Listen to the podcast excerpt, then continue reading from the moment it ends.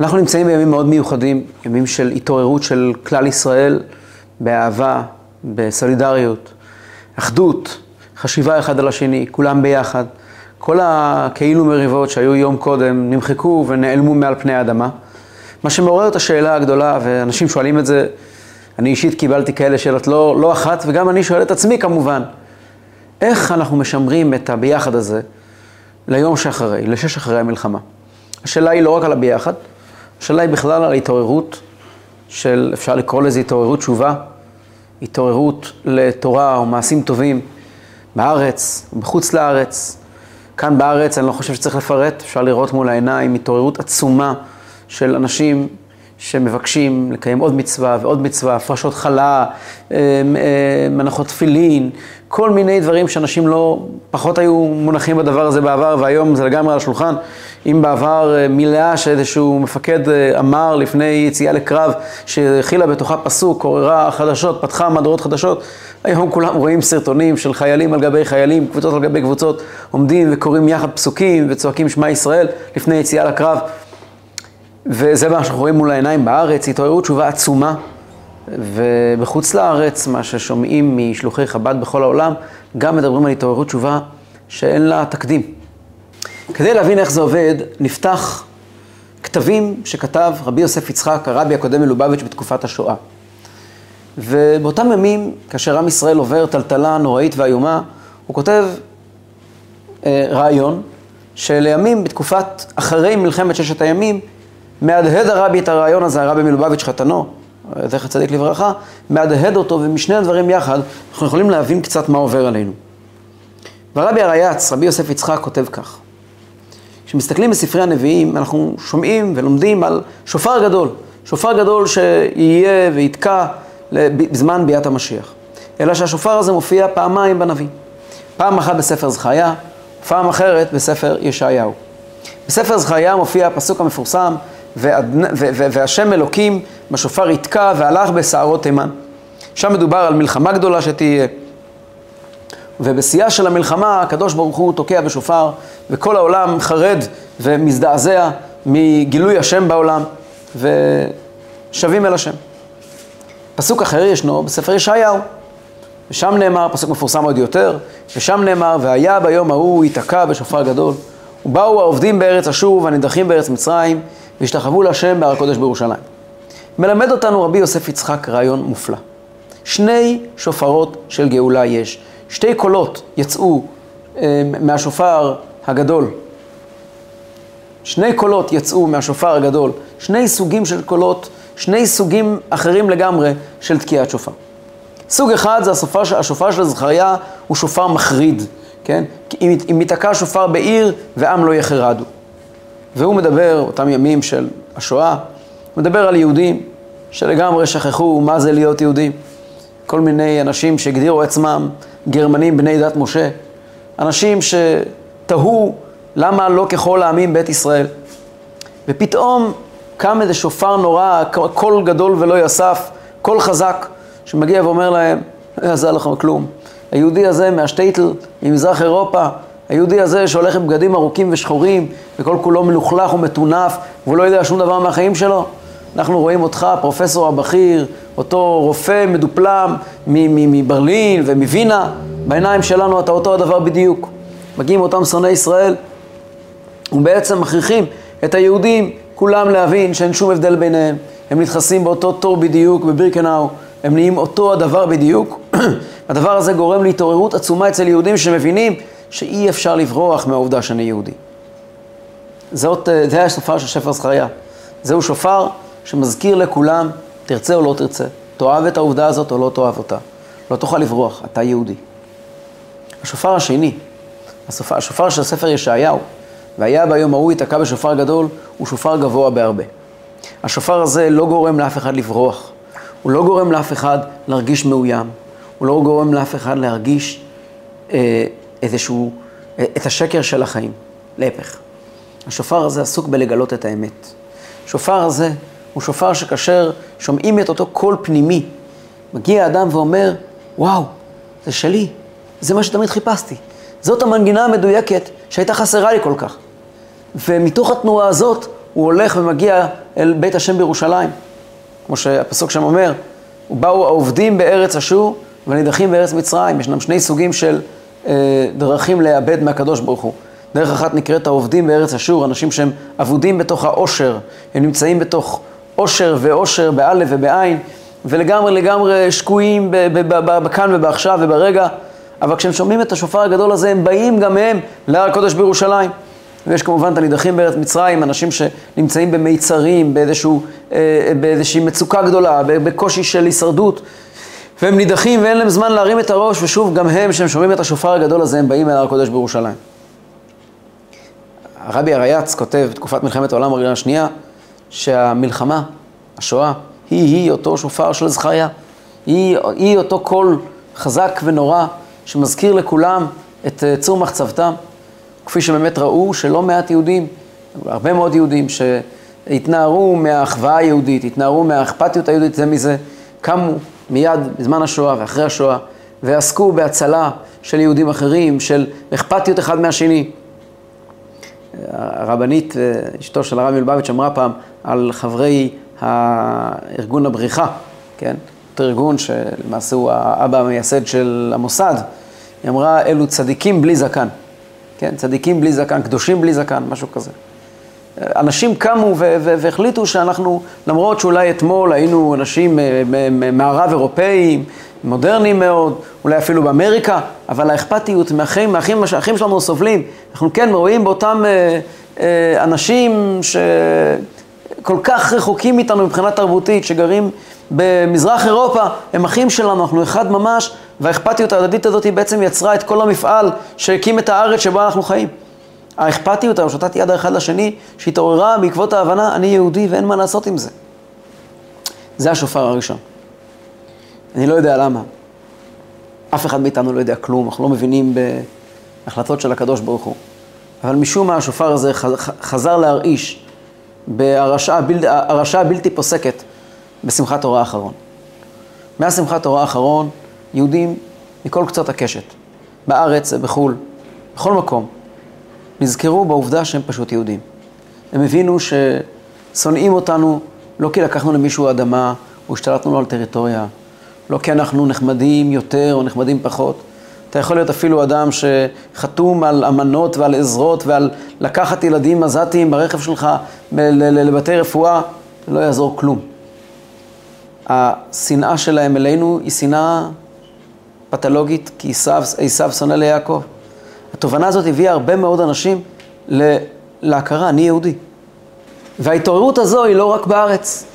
שומע מבני משפחה, חברים, קולגות, שלוחי חב"ד בעולם, על התעוררות עצומה באירופה, בצרפת, באנגליה, והרבה יותר מזה בארצות הברית של אמריקה, בדרום אמריקה. שומע, אני אישית שמעתי על עשרות משפחות שבן או בת שחיו עם לא יהודי, הגיעו ואמרו, אנחנו לא יכולים לחיות איתה יותר. מה קרה? מה קרה? הוא לא בסדר? הוא בעל מכה? תשאל לו טובה? לא, לא, לא, הכל בסדר. אבל הוא לא, הוא לא מבין למה אני יושבת יום, ימים ולילה מול הטלוויזיה ובוכה. מה, מה אכפת לך? מה קורה בחלק השני של העולם? מה זה נוגע לך? גם כשהמלחמה באוקראינה פרצה, ישבת ככה שעות על גבי שעות מול המסך. ו, והם מגיעים ואומרים, הם פשוט לעולם לא יבינו אותנו. כל כך מתחרטים על החיבור הזה, שהוא, שהוא פשוט לא לעניין. זה בדיוק השופר הראשון. מגיעים אנשים לבתי חב"ד, מבקשים תפילין, מבקשים מזוזה, מבקשים, תנו לנו עוד מצוות, לא רק בארץ, בחוץ לארץ. כי פתאום הם מגלים שהחברים הנחמדים שלהם בקמפוס שונאים אותם, מאמינים לשקרים על מה שקורה בפלסטיין, שאנשים נורא נורא מודרניים ונורא נורא חכמים ונורא נאורים יכולים לעמוד ולהכריז Free Free Palestine from the, from the river to the sea בלי שום בעיה. הדבר הזה גורם להתעוררות תשובה עצומה בכל העולם כולו. זה בדיוק השופר הראשון, השופר של זכריהו. אבל יש אחר כך את השופר השני. השופר השני, השופר של ישעיהו, הוא שופר מסוג אחר לגמרי. על השופר הזה נאמר, כמו שאמרנו קודם, והיה ביום ההוא ייתקע בשופר גדול, ובאו העובדים בארץ אשור. למה הוא דומה השופר הזה? אחרי מלחמת ששת הימים, גילה לנו הרבי שהשופר הזה החל להריע בתקופת מלחמת ששת הימים. ששת הימים היה סיפור אחר לגמרי. יהודים לא חשו נרדפים. אחרי הניצחון של המלחמה, מי הרגיש נרדף? ההפך. אבל אנשים שמעו את הבשורה, הר הבית בידינו, הכותל בידינו, והתחילו לבכות. למה אתה בוכה? מישהו הרביץ לך? מישהו הציק לך? מישהו כעס עליך? עומדים אנשים, מה אכפת לך מקיר ישן שנמצא בחלק המזרחי של ירושלים? מה אתה קשור לזה? יהודים ששנים ניסו להדחיק את הקשר שלהם אל היהדות, פרצו בבכי. פתאום הם קלטו שזה שלי, אני לא יכול לברוח מזה. זה סוג אחר לגמרי של שופר. זה לא שופר שמזכיר לי שיש לי גורל יהודי, זה שופר שמזכיר לי שיש לי ייעוד, שאני שייך למשהו, למשהו הרבה הרבה יותר גדול. זה שופר מסוג אחר לגמרי. כפי שאמרתי קודם, אני לא יודע למה, הקדוש ברוך הוא החזיר אותנו לשופר הראשון. אבל אנחנו נמצאים היום בחודש כסלו. חודש כסלו הוא חודש שעל פי המסורת הוא חודש שנקרא פדה בשלום. הוא חודש של גאולה מסוג שופר של ישעיהו. שופר של ישעיהו, חודש כסלו נקרא פדה בשלום, זאת אומרת שהפדיעה, הגאולה, ההכרה באמת שלנו, היא לא מתוך כאב, היא לא מתוך כעס, היא לא מתוך מלחמה. פדה בשלום פירושו, זה שלי, כי זה הדבר הכי נכון לי. כי זה הדבר הכי, זה make sense, אני כל כך מתחבר עם זה. זה הדבר שתמיד חיפשתי. זאת המנגינה המדויקת שכל כך טובה לי. השלב הבא כדי להשאיר, החיסרון בשופר של זכריה, שעובר תקופה ו, וה, וה, והדברים חוזרים למסלול שלהם, ואז אין יותר איום, אז אני יכול לחזור חזרה אל הסיר הבשר ולשכוח לגמרי למה אני כאן. אבל השופר, השופר של ישעיהו לא מרפה. השופר של ישעיהו, ברגע שהוא נתקע, ברגע שאני מזהה את עצמי ומבין שזה הדבר הכי טוב לי והכי נכון לי והכי מתאים לי ואני מרגיש שלא נכון לי במקומות אחרים, הדבר הזה לא יפסיק. ואנחנו צריכים לדעת איך מעבירים מהשופר של זכריה לשופר של ישעיהו. איך עושים את זה? כתוב ביום ההוא ייתקע בשופר גדול, הקדוש ברוך הוא יתקע, לא אנחנו. אבל אולי גם אנחנו יכולים לעשות משהו. אז קודם כל, ברמה הפרקטית והמעשית, כל מי שיש לו השפעה על מישהו אחר, וכל מי שיכול לעזור ליהודים אחרים, אנחנו צריכים להשתדל להיות בעלי תוקע בשופר של ישעיהו, לא בשופר של זכריהו. חוכמה קטנה לבוא ולומר לאנשים, היי, תראו מה הגורל של יהודים, תראו מה קורה למי שכן מתנהג טוב או לא מתנהג טוב. גם אם מישהו מקשיב לדיבורים האלה, הם לא מתיישבים על הלב. הם נכונים לחמש דקות, הם נכונים לעשר דקות, הם נכונים לכל תקופת המלחמה. הם לא יהיו נכונים אחר כך. השפה שאנחנו צריכים להדהד זה כמה טוב, כמה טוב וכמה נכון להיות יהודי. כמה זה הדבר האמיתי שתמיד חיכינו לו. אבל זה עדיין לא הפתרון המלא. הפתרון המלא הוא בהחלט ייתקע בשופר גדול. אבל יש לנו דרך לתת יד לשופר הזה, שופר של ישעיהו, לשינוי האמיתי שצריך לקרות, שכל אחד ירגיש שזה שלי. איך אנחנו יכולים לתת לזה יד? שבוע שעבר אה, התקיים כינוס השלוחים העולמי. שלוחי חב"ד מכל העולם התכנסו יחד. השנה באופן חד פעמי הכינוס פוצל. חצי היו, חלק הישראלי היה בירושלים, וכל יתר אה, אה, שלוחי חב"ד בעולם התכנסו בניו יורק. וציינו יחד את השליחות שהרבי ניתן, נתן, הטיל על, על, על שכמם, שכמנו, להכין את העולם לקבלת פני משיח. הפעם האחרונה שזכינו לשמוע את הרבי מדבר בפני השלוחים, זה היה בשנת אה, תשנ"ב, 1992, ואז הרבי אמר שעיקר הרעיון של השליחות הוא להכין את עצמו ולהכין את העולם לקבל את המשיח. אבל אז הרבי השמיע רעיון מופלא, שאם אנחנו נגזור אותו אל הנושא שלנו, חושבני שיש כאן איזושהי פריצת דרך, שיכולה לסייע לנו בשאלה שבה פתחנו, איך משמרים את הביחד. הרבי אז אמר, שאנחנו רואים ביהדות שכל תהליך אמיתי מתרחש באמצעות שליח. אנחנו רואים שקדוש ברוך הוא שלח את משה רבינו לגאול את עם ישראל למצרים. הוא לא עשה את זה בעצמו, נכון? אני ולא מלאך, אני ולא שרף, אני ולא השליח, אבל בסוף משה, הקדוש ברוך הוא שלח את משה רבינו. ומשה רבינו אומר לקדוש ברוך הוא כשהוא נשלח, ריבונו של עולם אומר לו, שלח נא ביד תשלח. ישנו שליח נוסף שעוד אמור להגיע. מי הוא השליח השני? השליח השני הוא משיח צדקנו. ועוד לפני כן, הנה אנוכי שולח לכם את אליהו הנביא. כל דבר אמיתי שהקדוש ברוך הוא רוצה לחולל בעולם, הוא שולח שליח. למה הקדוש ברוך הוא לא מתגלה בעצמו? למה צריכים משיח בכלל? למה שלא יבוא הקדוש ברוך הוא בעצמו ויגמור את הסיפור? למה צריכים אדם גשמי, בן אדם, בן תמותה, שנולד לאבא ואימא, ואדם כמו כל האנשים, למה שלא ירד איזה מלאך מן השמיים? למה צריכים שליח? למה צריכים אדם? והתשובה היא, כדי לחולל שינוי של אמת, צריך מישהו שיעשה את השינוי הזה בתוך תוכו. כשמישהו עושה את השינוי בתוך תוכו, השינוי הזה, כמו בתגובה כימית, יש מין סוג של ריאקציה, שזה הולך ומתפשט סביבו. כל אחד מאיתנו הוא סוג של שליח. כאשר משה רבינו עולה לשמיים, נמצא שם 40 יום לקבל את התורה, משהו קורה למשה רבינו. וכשמשהו קורה למשה רבינו והוא יורד עם הבשורה לעם ישראל, עם ישראל מזהה במשה רבינו משהו שדומה לו. ומה שקורה למשה רבינו קורה למעשה לכולם. גם משיח צדקנו הוא אדם רגיל, והתהליכים שעוברים עליו יעברו על כולם.